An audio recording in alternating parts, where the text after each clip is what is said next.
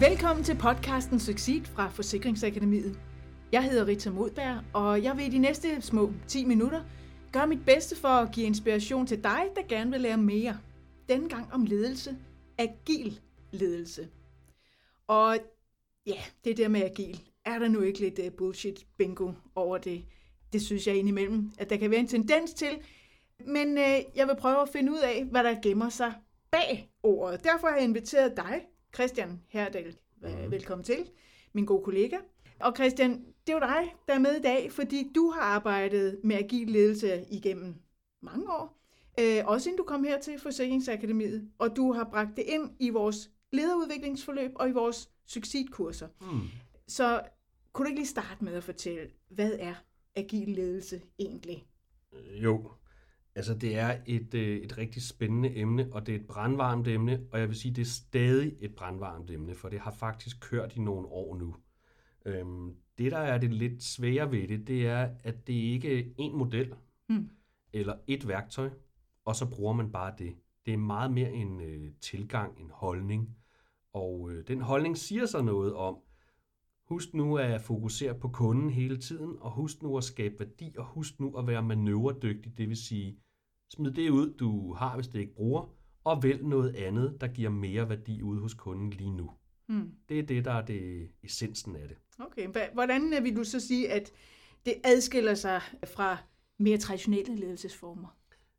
Altså, ledelse har jo efterhånden så mange former, at det er lidt svært at sige. Men hvis mm. man sammenligner det med hierarki, så er der jo regler, der er stabilitet, eller i hvert fald et ønske om stabilitet, og der er øh, noget med at arbejde sammen med kolleger, der rører ved projektet, indtil det har en vis øh, færdighedsgrad så leverer de det videre til organisationen, og i den her tankegang, jamen der opløser man alle de ting, hvis ikke det giver værdi for kunden, og sammensætter for eksempel teams på tværs, der leverer noget, som ikke er færdigt, men som giver noget delværdi ude hos kunden. Mm.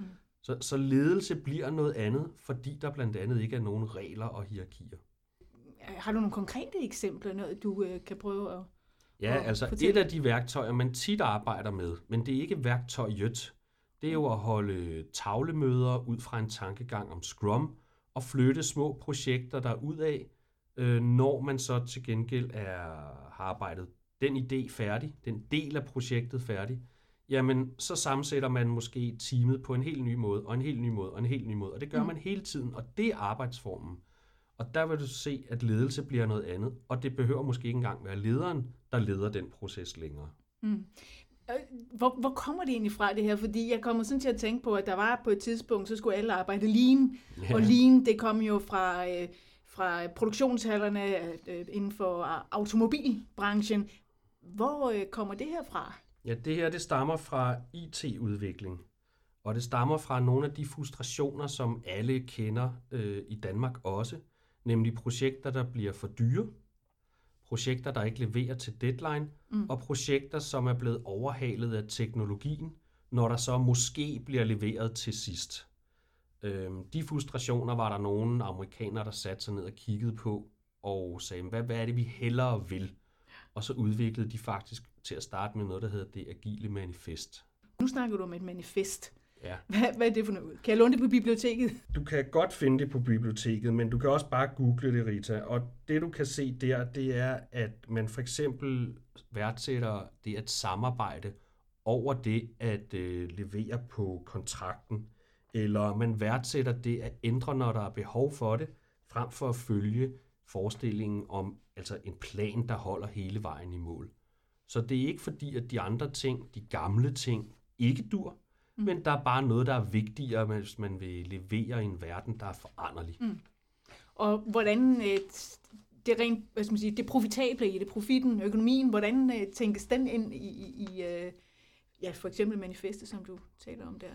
Jamen, det handler jo om, at øh, man bruger sine ressourcer, sådan så de skaber bedst mulig værdi ude hos kunden. Mm. Så kunden oplever at få noget værdi hele tiden, og man bruger selv sine ressourcer så optimalt som overhovedet muligt. Mm. Men det, der er sjovt, for eksempel i forhold til projektudvikling på den gammeldags måde, der sagde man jo, du har så mange øh, ressourcer, du har så meget tid, og du skal levere det her meget præcise noget. Det hedder mm. jerntrekanten. Mm.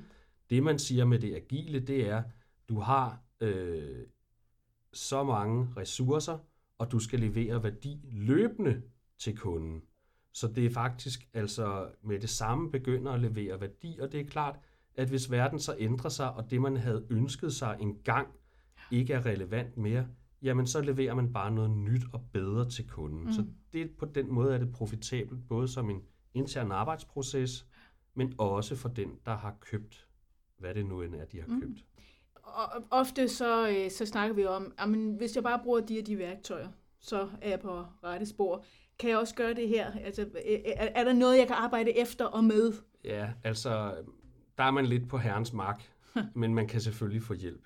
Men man kan ikke sige, du skal bare bruge de her tre værktøjer i den her bestemte rækkefølge, så leverer vi. Mm. Det, der er essensen af det her, det er, at nogle gange, så kan det være mening at sammensætte et team på tværs og være leder for det, eller måske træde helt ud af det. Nogle gange kan det betale sig for lederen at sige, kære medarbejder, hvad er det, du skal levere på kort sigt, og hvad kan jeg hjælpe dig med?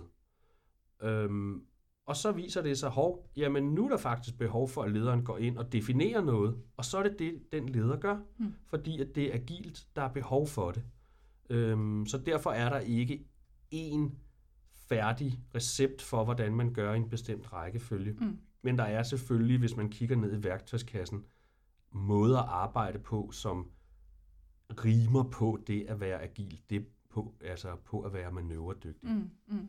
Så det er noget med et mindset, og det er noget med nogle, altså kan man kalde det tommelfingerregler, eller... eller ja. Øh, ja, altså det er tommelfingerregler, og der er nemlig også, øh, må jeg så sige, 12 principper, 12 okay, agile nu bliver jeg rolig. Der er noget med nogle principper.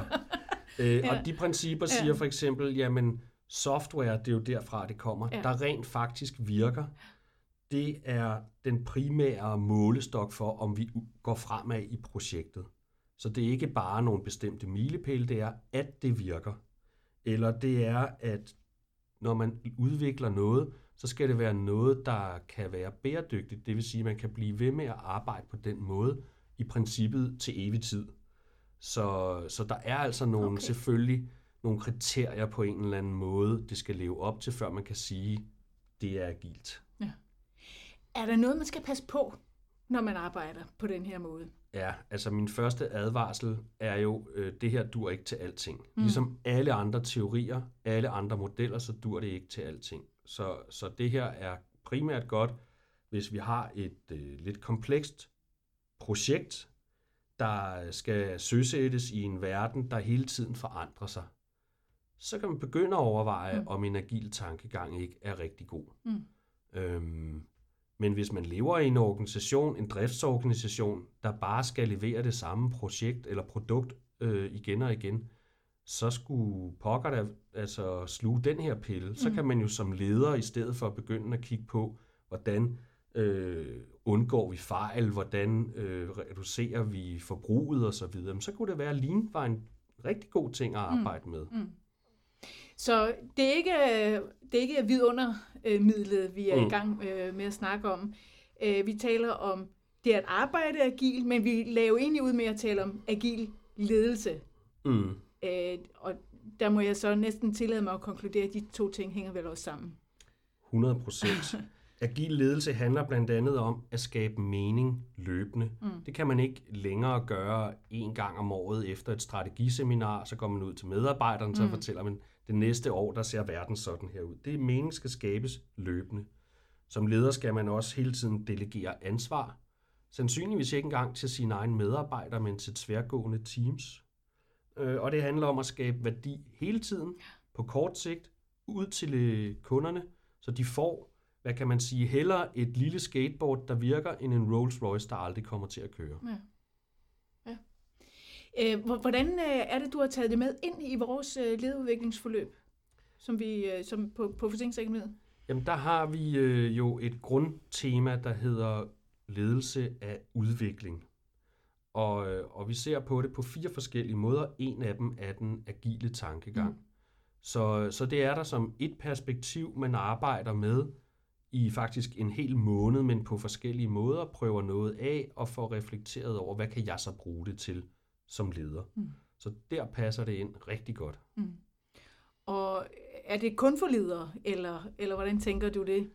Øh, den agile tankegang er jo lige præcis ikke kun for ledere, mm. fordi ledelse bliver opløst som noget, der kun hører til hos en person eller hos en bestemt rolle.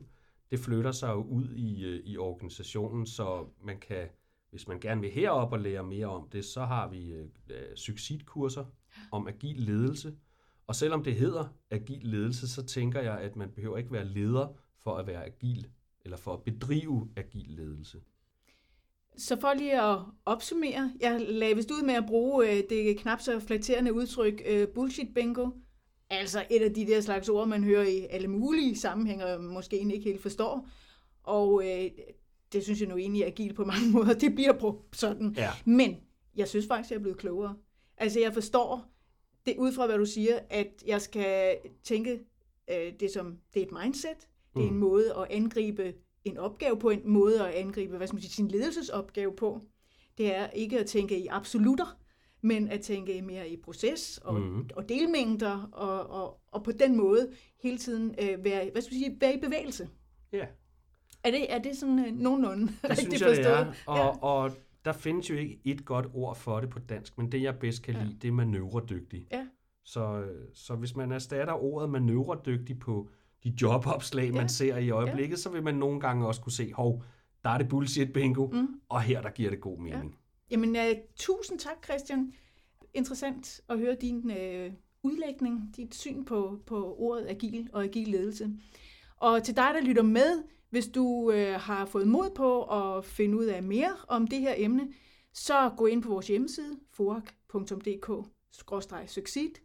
Der finder du øh, et af de kurser, som øh, Christian har snakket om, og du kan også læse om lederudviklingsforløb. Tak fordi du lyttede med.